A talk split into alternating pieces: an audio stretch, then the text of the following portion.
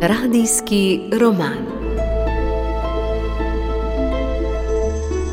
Beremo delo izpod peresa Boska de Ambroža, papež Janez Dobri. Dogodki v njej so bogato dokumentirani, da bi poslušalci dobili kar najbolj natančno sliko o tem velikem človeku. To je tudi prva knjiga, ki jo je izdala založba Ognišče, v želji, da bi tudi s pomočjo branja takšnih knjig postali in ostali dobri kristijani.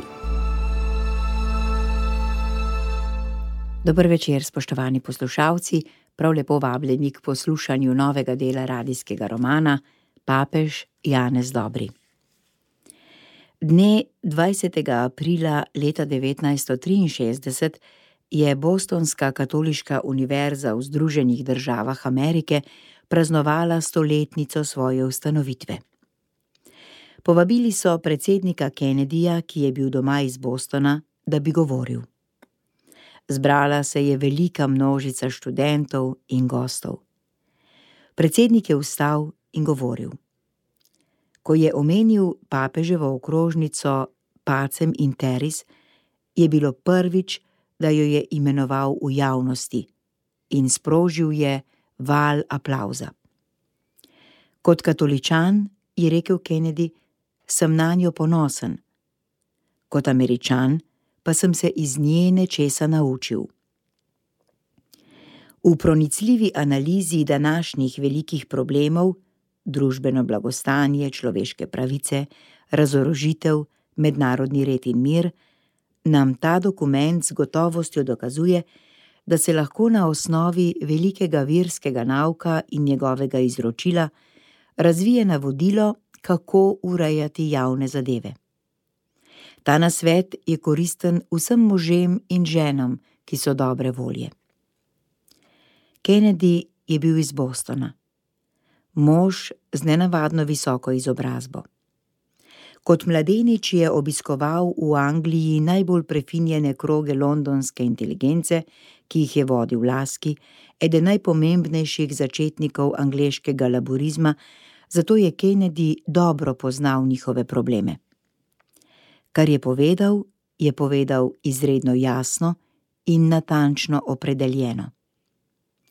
Tudi ugleden newyorški dnevnik je zelo visoko cenil papeževo okrožnico in jo imenoval mejo idealnega.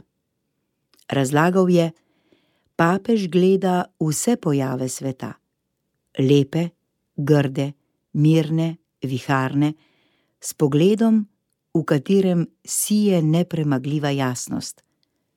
In mi se mu zahvaljujemo.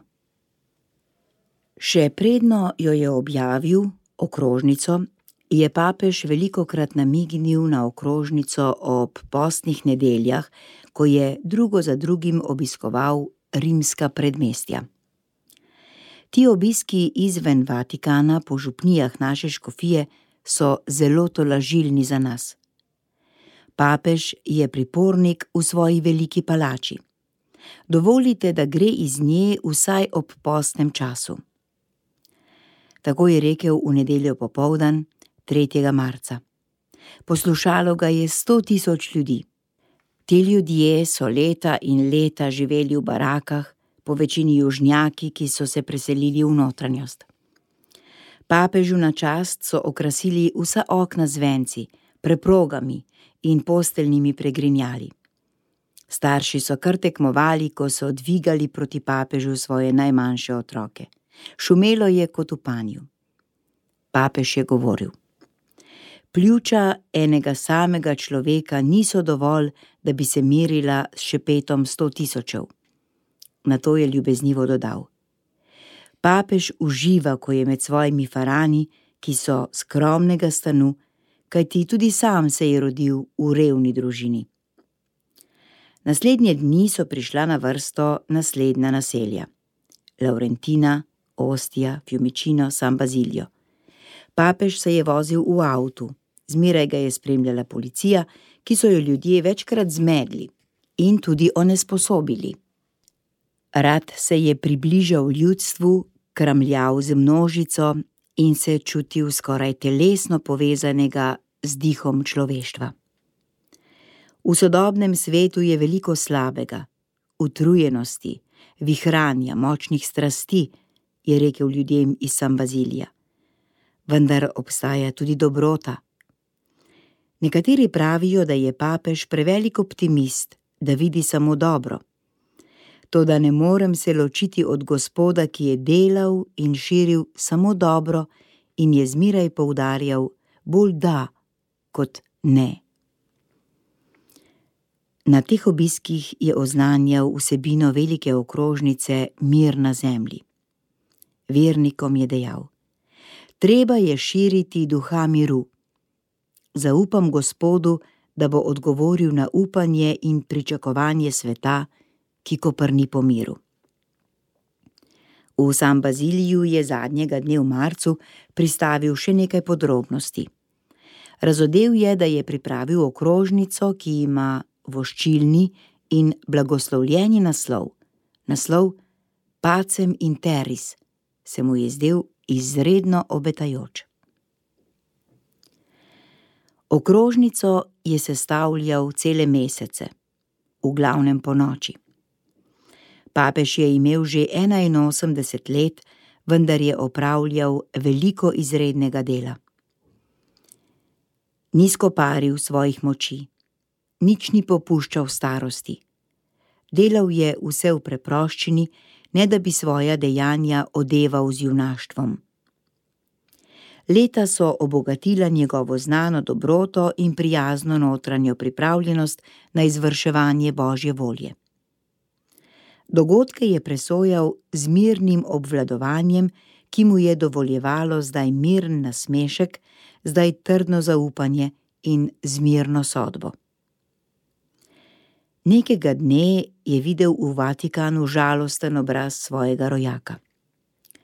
Papež mu je citiral bergamski pregovor: Trpeče telo daje duši zdravje.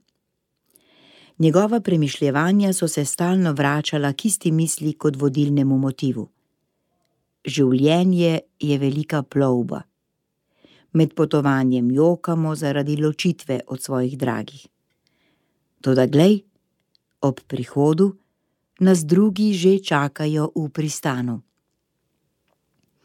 Medtem ko je pisal okrožnico, tako so pripovedovali njegovi najbližji, se je njegov pogled kdaj pa kdaj ustavil na fotografijah, ki so visele na stenah njegovega stanovanja.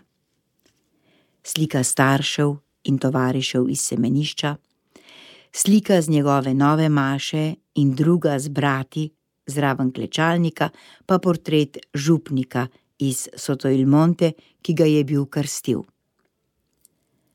Papež je objemal s pogledom svoje drage, ki so skoraj vsi pomrli, v prepričanju, da ga čakajo v nebeškem pristanu.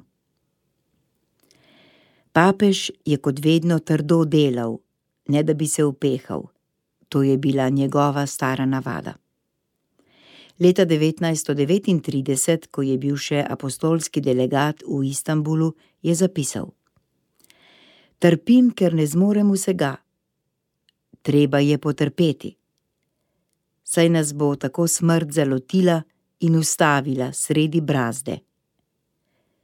Gospod pridrži sebi konec in zadnjo dopolnitev našega revnega dela. Lastnoročno je napisal v italijanščini svojo osmo okrožnico Pacem in Teris. Potem jo je poslal v svoje tajništvo, da bi jo prevedli v latinščino. V latinščino jo je presadil znameniti latinist, skoraj 80-letni kardinal Bači. Besedilo so potem prevedli v šest jezikov: v italijanščino, francoščino, angleščino, španščino in portugalščino. Zamisel okrožnice je dozorela v papeževi duši v dneh stiske, ki jo je povzročila kubanska kriza ob koncu oktobra. Poslanica človeštvu. Okrožnica je išla na veliki četrtek. Evropski in svetovni tisk ji je takoj posvetil veliko pozornosti. Prvi so objavili njeno vsebino newyorški popoldanski dnevniki. Papež hoče močnejšo organizacijo Združenih narodov. Ustavite oboroževanje. Prepustite vodstvo organizaciji Združenih narodov. Papež hoče zakon organizacije Združenih narodov. Papež prosi za konec oboroževanja. To so bili naslovi, ki so jih dnevniki prinašali z velikimi črkami. Znameniti londonski Times jo je označil kot poslanico, naslovljeno na človeštvo. Degolistični pariški časopis je v sedemkolonskem naslovu pisal: Ali papež Janez 23. priporoča pogovor s komunisti? Radio Evropa je pripominjal: Papež sega zelo daleč, pa smo mislili, da bo prehodni papež. Noben drug papeški dokument ni segal tako daleč pri začrtovanju moralne in juridične fiziognomije bodočega sveta kot enciklika papeža Janeza 23. Kristusov namestnik je pisal svetu o problemih sedanjosti in o dolžnostih bližnje prihodnosti. Papež se je natanko spominjal vseh naravnih načel o človeku, družini in skupnosti, ki so jih izdelali v preteklih stoletjih v luči krščanstva, posrečeno jih je strnil v živo in prepričljivo sliko. Usporedno z zamislijo svobode in pravičnosti, ki velja za osebe in državljane v posameznih državah, je papež navajal zamisel svobode in neodvisnosti v odnosih med narodnostnimi skupnostmi. Ne sme biti več vladajočih in podjarmljenih narodov, je razglašala njegova okrožnica. Nastopila je proti privilegiranim narodom, ki so gospodarsko izkoriščali in politično nadvladali etnične skupnosti, odrezane od naprednega razvoja. Ko je papež omenjal probleme manjšin na ozemlju štirih narodnostnih skupin, je bila njegova misel previdna in izredno modra. Treba je ščititi narodnostne manjšine in jim priznavati pravice, te pa je treba uveljavljati zmirno ne da bi jim žrtvovali širše moralne vrednote. In s to mislijo končujemo nocojšnji del radijskega romana. Hvala, spoštovani poslušalci, ker nas spremljate, bodite spet z nami prihodnji četrtek. Toliko za nocoj in lep večer še naprej.